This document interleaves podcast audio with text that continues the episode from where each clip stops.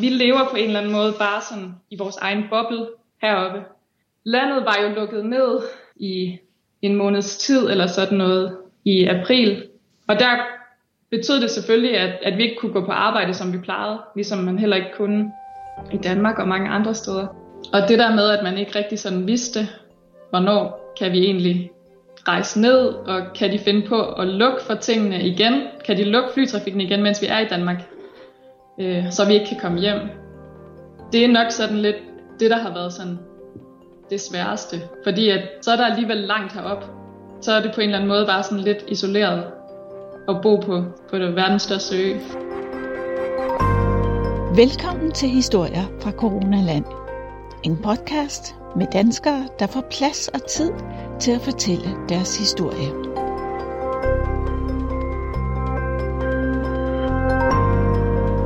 Jeg hedder Maja Nielsen. Øhm, jeg bor i Nuuk i Grønland sammen med min kæreste Christian. Jeg har boet heroppe i snart tre år. Øhm, og jeg kom herop, da jeg var færdig med at studere, fordi at øh, jeg skulle ligesom finde et arbejde. Øhm, og jeg kunne rigtig godt tænke mig bare at prøve noget helt andet end at bo i Danmark. Så nu arbejder jeg som konsulent i et lille konsulentfirma. Øhm, så jeg arbejder på sådan nogle forskellige projekter rundt omkring her i byen. Øh, og nogle gange er jeg også så heldig at komme lidt rundt i Grønland. Jamen velkommen til Historier fra Coronaland. Tak. Og tak fordi jeg måtte være med. Ja, det var så lidt da. Kan du ikke lige mig beskrive for sådan nogen som mig, som aldrig har været i Grønland, hvordan er der? Øhm, lige nu har vi sne. Øh, det er rigtig koldt. I går var det minus 11-12 grader og 11-12 meter i sekundet. Blæste også, tror jeg. Øhm, så jeg var ude og gå en tur i går efter arbejde, og det var sneen fø rundt omkring. Øhm, ellers lige nu sidder jeg øh, i vores lejlighed ude i en bydel, der hedder Ringerput, øh, hvor vi bor på fjerde sal, så vi kan kigge ud over vandet, ud over noget, der hedder Malenebugten. Øhm, så det er virkelig en flot udsigt, vi har her. Øhm, lige nu er klokken i Grønland kun sådan lidt over 9 om morgenen, så solen er ikke sådan rigtig stået op endnu, det er stadig mørkt. Den står op her en gang lidt i 10, tror jeg, og går ned igen sådan halv tre. Så vi har ikke så meget sollys lige nu. Men, det, og, vi, og vi her i Danmark går, plejer jo at gå og brokke os over, hvor mørkt der er, men det er jo ingenting i forhold til det, I oplever der. Nej, det er rigtigt. Og hvis man bor endnu mere nordpå, øh, der, har de, altså, der er dage, hvor solen slet ikke kommer frem. Så vi skal heller ikke brokke os her. Når jeg hører folk beskrive Grønland, så er det det der med, altså det, det er så smukt, siger de, så man kan næsten ikke, man kan næsten ikke kapere, så smukt det er. Har du det også sådan? Øh, ja, det har jeg. Øh, og jeg havde det rigtig meget i starten. Øh, fordi der er fjeld over det hele, og du kan se så langt, når du går op på en fjeldtop. Øh, man vender sig jo sådan på en eller anden måde lidt til det, øh, hvis det giver mening. Ja, det gør det. Men jo, altså, det er virkelig, virkelig, virkelig bare et, et smukt land, og der er så meget natur, man kan gå ud i. Øh, vi har lige fem minutter heroppe bagved, hvor vi bor, er vi, så er vi ude i naturen. Når du siger, så er vi ude i naturen, hvad, hvad betyder det for dig?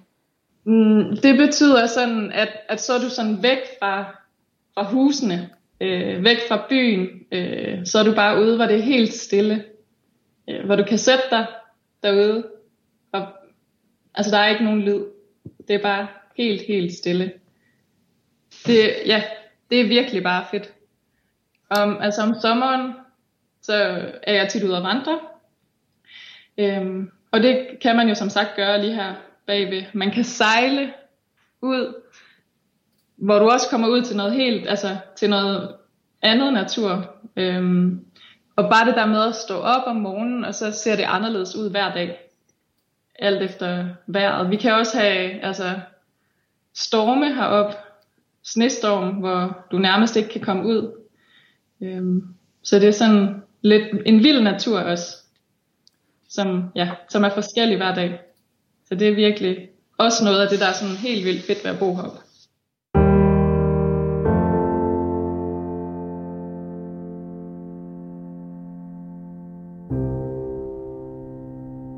Nu har der jo været meget snak om øh, klimaforandringer de sidste mange år, og vi hører meget op fra Grønland. Er det noget, du mærker i din hverdag deroppe? Nej, det er det ikke. Øhm, og det er heller ikke rigtig noget, man taler om heroppe. Altså, vi ser jo også nogle gange de der billeder af, hvordan isen kommer længere og længere. Altså, hvordan den smelter. Og for 30 år siden, så var der så meget is. Men når man kommer ud, for eksempel til, til Ilulissat, øh, lidt op nordpå, hvor de også har, ja, hvor de har indlandsisen og sådan noget. Altså, man ser ikke, man tænker ikke sådan over det. Fordi man har jo ikke set det før, hvis det giver mening. Ja, der er ikke rigtig noget at sammenligne med det, det du mener. Nej, nej det er der ikke. Øh, men altså dem, der bor for eksempel i Ilulissat, de kan da godt sige, at altså, som har boet der i 30-40 år, de kan jo godt se, og som går ud til det her udkigspunkt, der er lige, der ligger lige et par kilometer fra byen, hvor man sådan virkelig kan se ud over det hele, virkelig smukt. Øh, altså de kan jo godt se, at det smelter fra år til år. Men, men det er ikke noget, der som sådan er et samtaleemne heroppe. Det er interessant at høre, fordi det er jo et kæmpe samtaleemne, både i Danmark og resten af Europa, måske også verden, øh, hvor galt det står til, også i Grønland, ikke? Jo, det er det. Tankevækkende. Ja, helt vildt. Maja, du har sagt, uh, fortalt mig, at du har boet deroppe i tre år. Taler du så sproget? Nej, det gør jeg desværre ikke. Det er et meget svært sprog at lære. Øh, og, og her i Nuuk, hvor jeg bor, øh, der kan man sagtens klare sig på dansk. Og i løbet af arbejdsdagen, der taler man også bare dansk. Jeg har nogle grønlandske veninder, som prøver at lære mig sproget. Øh, men det, så kan, man kan nogle få sætninger, øh, og man kan sige hej og, og sådan nogle ting. Og hvordan går det? Og så svarer man lige hurtigt på det, og så slår man over i dansk. For der er noget med, at øh, grønlandsk er ekstremt svært at lære. Altså det synes vi jo i hvert fald, os danskere, at det er. Øhm, og nogle af, af det grønlandske synes jo også, at det danske sprog er svært, og ikke giver nogen mening. Så, øhm, men jo, det er et rigtig svært sprog. Du har fortalt mig noget om, at øh, der er noget med, hvis man, altså det bliver sat sammen med ord, bliver sat sammen med stavelser, og hvis man bruger ja. en forkert stavelse, så kan det gå helt galt. Ja, det kan det. Og hvis man kommer til også at udtale ordene forkert, det er jo nogle meget lange ord, så hvis man ikke har helt styr på, hvor hen at de skiller, når man skal tale, forsøge at tale sig igennem ordene, så kan man godt komme virkelig galt afsted og sige noget helt forkert.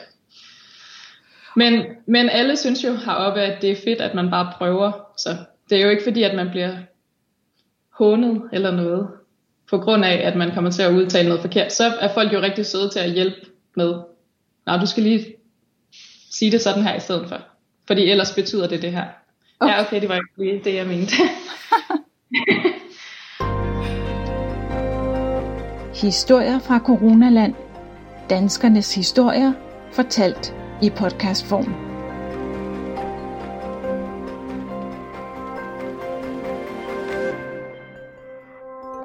Hvad har været din største udfordring i coronatiden?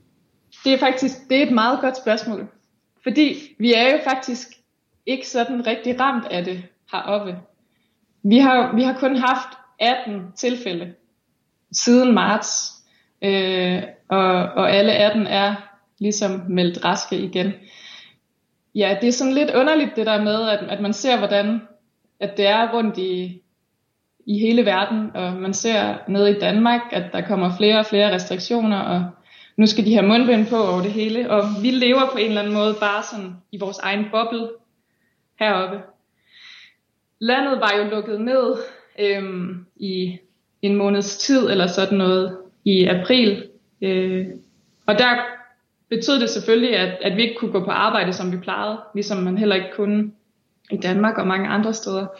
Så der måtte man arbejde hjemmefra og have de fleste møder online. Og nogle af vores projekter gik lidt i stå, fordi at ude hos, hos vores kunder, der, der fik de ligesom nogle andre prioriteringer. Der var nogen, der blev taget ud til at skulle sidde i sådan et coronasekretariat.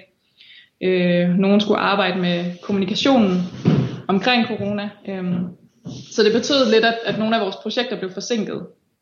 I fik simpelthen andre arbejdsopgaver, eller? Øhm, ikke os, men, men vores kunder gjorde. Altså dem, vi arbejder sammen med på projekterne. Så der skulle man sådan lidt selv forsøge at holde lidt liv i, i nogle af projekterne, sådan at det gik helt i stå. Og det lykkedes så også sådan, sådan rimeligt. Så det, har, det er sådan lidt specielt. Øh, fly, flytrafikken lukkede jo også ned. Så, så vi faktisk, man kunne godt, det meste af tiden mener jeg, rejse til Danmark. Øh, men, men vi kunne så ikke komme tilbage igen. Og de kunne ikke sige noget sådan, man skulle have dispensation og sådan noget. Det var kun nogle, nogle specielt udvalgte. Øh, for eksempel øh, folk, der arbejder nede i sundhedsvæsenet. Der kommer jo en del både sygeplejersker og læger op fra Danmark, som, som er på øh, sygehusene og sundhedscentrene. Både her i Nuuk, men også i de andre byer. Øh, fordi man simpelthen ikke har nok personale heroppe. Så, og de var jo selvfølgelig nødt til at komme herop. Men det var lidt specielt det der med, at, øh, at, at man ikke sådan rigtig vidste, hvornår kan man egentlig rejse til Danmark igen. Øh, jeg er vant til at, at rejse til Danmark sådan to-tre gange om året, alt efter hvor mange større ting, der lige er, man skal være med i. Men primært rejser jeg til Danmark til jul, og så til sommer. Øhm, og det der med, at man ikke rigtig sådan vidste, hvornår kan vi egentlig rejse ned, og kan de finde på at lukke for tingene igen? Kan de lukke flytrafikken igen, mens vi er i Danmark? Øh, så vi ikke kan komme hjem. Det er nok sådan lidt det, der har været sådan det sværeste. Fordi at, at man bor alligevel, så er der alligevel langt herop. Altså, så er det langt væk. Så er det på en eller anden måde bare sådan lidt isoleret at bo på, på det verdens største ø. Her, hvor der, ja, der er jo 3000 km til Danmark, så så kan man ikke lige sådan komme hjem til, til sine forældre eller søskende. Øh, man skal testes, inden vi må komme herop. Øh, og, og det er nok også en af altså en grunde til, at de har kunne holde smittetallet så lavt, som det er. Det er fordi, at, at du skal kunne fremvise en negativ test, når du tjekker ind i lufthavnen. Når du så kommer til Grønland, så skal du være i øh, hjemmekarantæne i fem dage, og så bliver du testet igen. Og når du så har fået et negativt svar, så må du komme ud du må gerne altså, gå ud, gå en tur øh, udenfor, når du er hjemmekarantæne, og altså, du må også gå ned og handle. Der er lige blevet, øh, kom, eller der kom lige en ny bekendtgørelse i går, om at når du, skal, når du kommer til landet og skal ud og handle, så skal du have mundbind på, indtil du er blevet testet negativ. Øhm, men ellers har vi jo ikke rigtig nogen restriktioner ud over det. Så så længe man bare opholder sig i landet, øh, så så er det sådan meget normalt. Der er også noget med, at man ikke må rejse på tværs af kommunerne heroppe til arrangementer. Fordi at hvis nu, at der lige pludselig kommer nogen ind, der er smittet, øhm, så vil de helst ikke have det spredt ud. Ved at man for eksempel samles til et eller andet idrætsstævne i en eller anden kommune, hvor der kommer folk fra alle kommuner. Man vil jo gerne beskytte sundhedsvæsenet heroppe. Det, det er jo nogle meget... Øh, nogle steder har de jo ikke øh, nogen læger, og, så det kan hurtigt gå galt. Men øh, det, altså, jeg tror virkelig, at det er det der med, med de der indrejserestriktioner, de har lavet, det har virkelig været det, der har gjort, at, at man har kunne holde smittetallet så lavt. Ja, for mig lyder det som en fuldstændig øh, klokkeklar og, og god strategi, at Grønland har. Det er det, det, er det også. Øh, og det, og det synes, alle synes også heroppe, at, at det er rigtig fint, at, at man har valgt at gøre det på den måde. Er corona noget, som I taler meget om deroppe? Eller er det bare noget af det der, der foregår i alle de andre lande?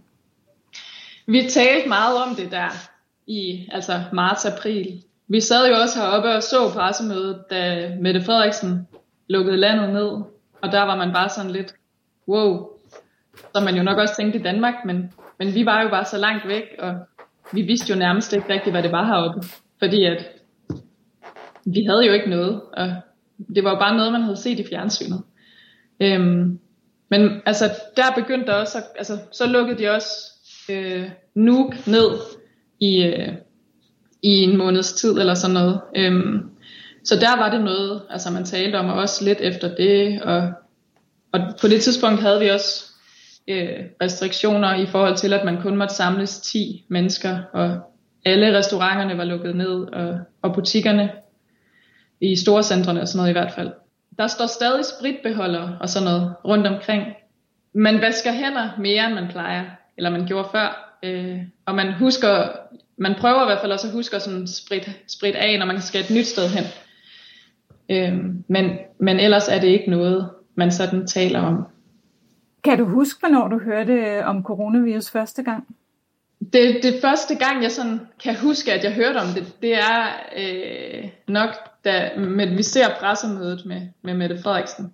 Øh, og, og så kan jeg huske, at jeg har set nogle af de der, øh, der var nogle små, øh, små videoer på DR eller TV2, hvor man så ham der nede fra Wuhan, som, øh,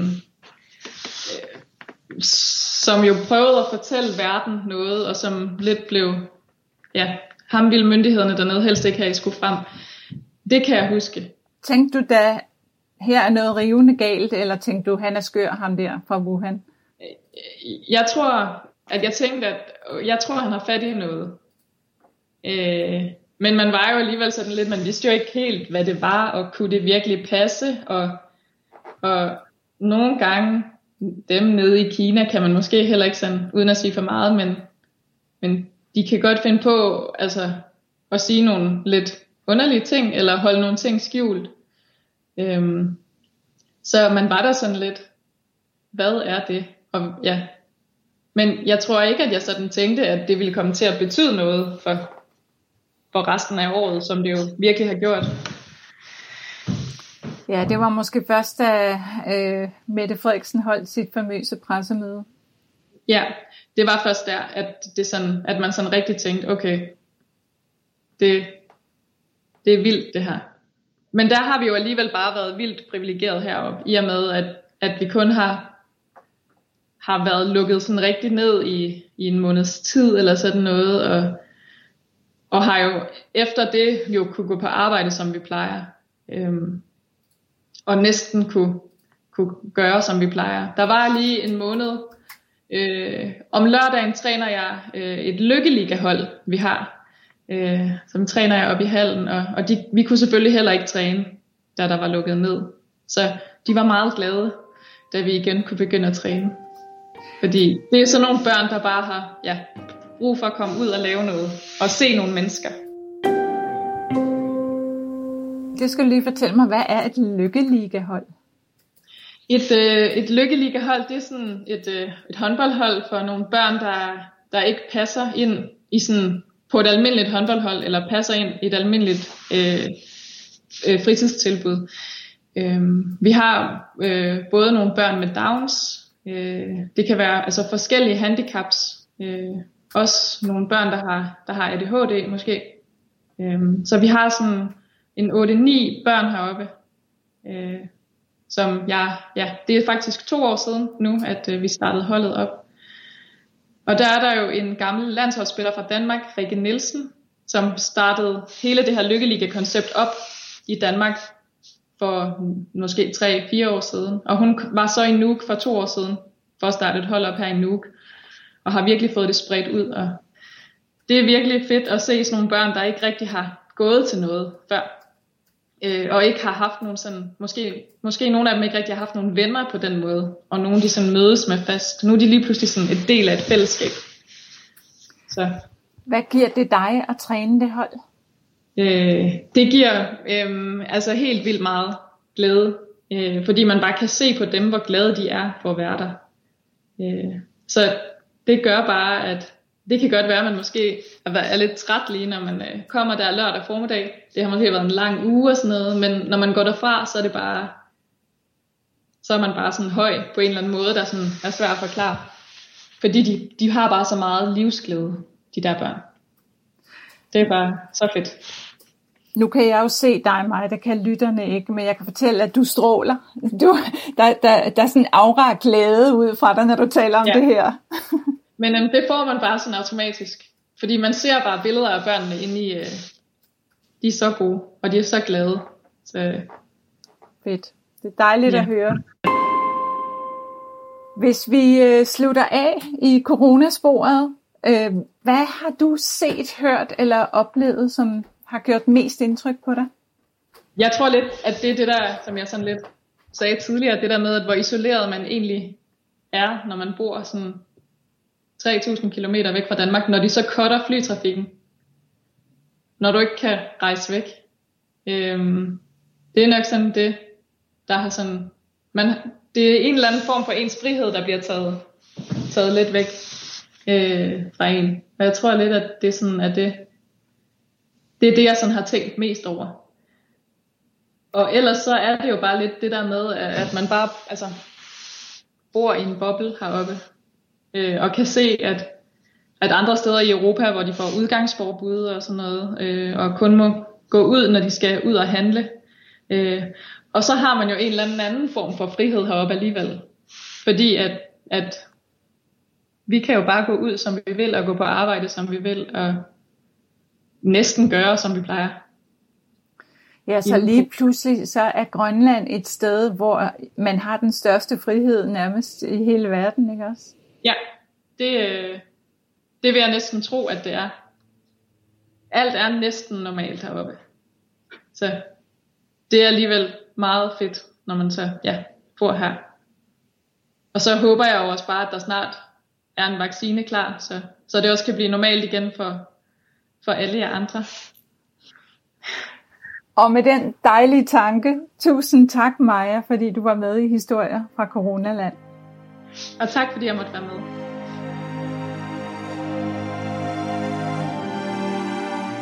Tak fordi du lyttede til Historier fra Coronaland.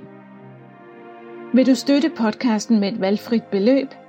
Find historier fra Coronaland på sitet tier.dk, altså 10er.dk, og hjælp mig med at få formidlet flere gode historier fra danskere.